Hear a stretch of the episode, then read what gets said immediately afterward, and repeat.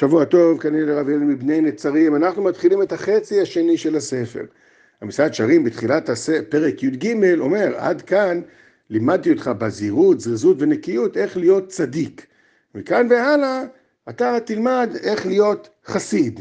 חסיד, כמובן, צריך להדגיש, למי שלא יודע, זה לא קשור למה שאנחנו קוראים היום חסידים וכדומה, יכול להיות שזה קשור מבחינתם, שזה אותו מושג, אבל מבחינת הספר זה לפני הבעל שם טוב, לפני המושגים שאנחנו רגילים היום להגיד חסידים. זה, זה כמו שכתוב על דוד המלך, שומרה נפשי כי חסיד אני, כמו שכתוב כמובן, המימרה הזאת בעצמה לקוחה מהגמרא, רבי פנחס בן יאיר אמר ש, שדבר מביא לדבר, זהירות לזריזות, זריזות לנקיות, נקיות לפרישות, פרישות וכולי מביאים לחסידות. אז ודאי זה מושג אחר, שאותו נצטרך ללמוד. החסידות, הבעיה שלנו בחצי השני של הספר, מתוך מה שכבר אמרתי, הוא שזה כבר לא נוגע אל הרוב המוחלט שלנו. החצי הראשון, אפילו מידת הנקיות, יכלנו לגזור מזה השלכות מעשיות מיידיות לחיים שלנו, כמו ספר מוסר, זה מדריך את החיים שלנו, איך לחיות את חיי הנשמה שלנו, השכל שלנו, הדעת שלנו בחיים. אבל החצי השני של הספר, ועד כדי כך התלבטתי לא ללמד אותו, לולא שמאוד ביקשו ממני, זה כבר עוסק במדרגות שאנחנו לא שם. הערך הלימודי שיצא לנו הוא הרחבת הדעת. ככל שאנחנו נלמד יותר ונשכיל ונבין את הפרספקטיבה נקרא לזה, נראה את, את הרוחב של התורה, עד לאן אדם יכול להגיע, עד קדושה ורוח הקודש הם החסידות, שיא החסידות, אז גם החיים שלו אהוביים, גם אם רחוקים מזה מאוד, מקבלים מזה הקרנה. אבל צריך לזכור, ואני אזכיר את זה הרבה פעמים, מכאן והלאה, מהוואטסאפים הבאים, כן, מהקטע הזה והלאה, כבר אנחנו עסוקים כמו בלימוד אמונה. האם זה נוגע למעשה של החיים שלי, כוונה לאיזה, נגזור מזה התנהגות מעשית, שם צריך כבר מאוד להיזהר.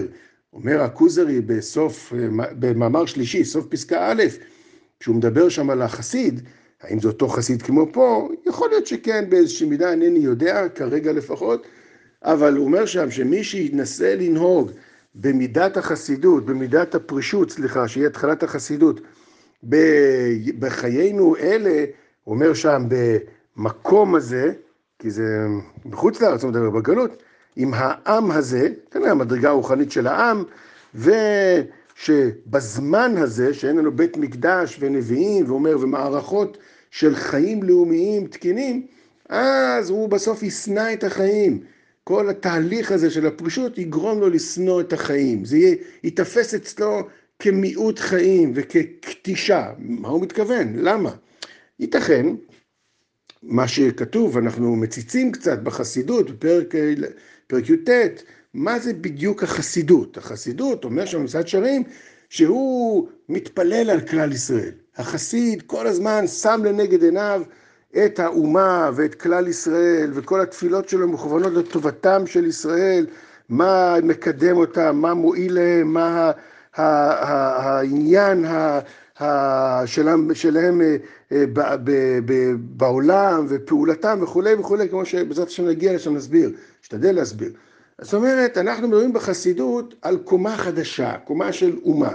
קומה של אומה זה תפיסה ברמה אחרת לגמרי. גם הצדיק, אני מניח, אה, דואג לאומה. מה זאת אומרת? הוא דואג בן אדם לחברו, כן? הוא חי בתוך... הצדיק לא חי לו לבד באיזה אי בודד, הוא חי בתוך חברה.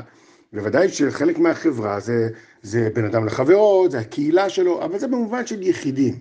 הוא לא, הוא לא כמו החסיד שכבר תופס את הדברים בעומק אחר לגמרי, בעומק של אה, ציבוריות, של כלל, של אה, אומה.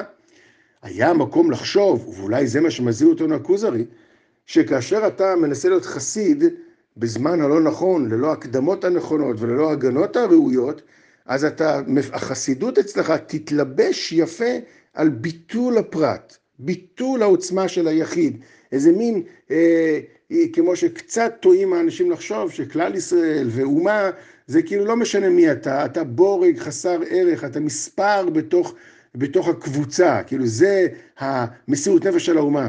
אבל זה לא כך, ככה משמע בכוזרי וכך כנראה במסילת ישרים, ברצף של הדברים, כאשר אתה מתחיל לדבר על החסידות, אתה מדבר על העמקת החיים. החיים עד היום חווית אותם ברובד מסוים, בגבולות מסוימים, בעוצמות מסוימות, עכשיו, בחסידות, אנחנו הולכים עכשיו להעמיק את החיים שלך למחוזות אחרים לגמרי, לא, אחרים אולי זו לא המילה, מחוזות הרבה יותר עמוקים. כלומר, אתה תהיה יותר חי, יותר עוצמתי. והדגש שלי כהקדמה לכל החצי השני של הספר, זה אתה תהיה חסיד הוא שיא החיים. שבתוכם הוא מוצא גם את כלל ישראל ואת האומה כמובן, ובתוכם הוא מוצא שאין סתירה בין הדברים, והוא מתעצם כפל כפליים. זה התהליך, ולכן מזהיר הכוזרי, נו, בימינו שאין נבואה, אין מקדש, אין סדרים ואין שלמות בארץ וכולי וכולי, יכול להיות שזה יהיה מאוד קשה להופיע את זה, ואדרבה, זה רק יגרום ההפך, זה יגרום ביטול השלב שאנחנו נמצא בו. טוב, אז זה מבחינת החשבון הכללי. אבל באופן לימודי, נו, אפשר ללמוד את הדברים. עד כמה שהשגתי מגעת, עד כמה שאני מבין, ועם הרבה זהירות והרבה בקשה ממכם להיזהר מהפרק הזה והלאה. לא אין זה כמו הפרקים הראשונים שהם בעולם הזה שלנו, מכאן והלאה אנחנו מתעסקים ברמות הרבה יותר גבוהות, אבל תורה וללמוד אנו צריכים, ונשתדל להפיק מזה לדעת שלנו, למושגים שלנו, להרחבת החיים שלנו, כמה שיותר. כל טוב ושבוע טוב.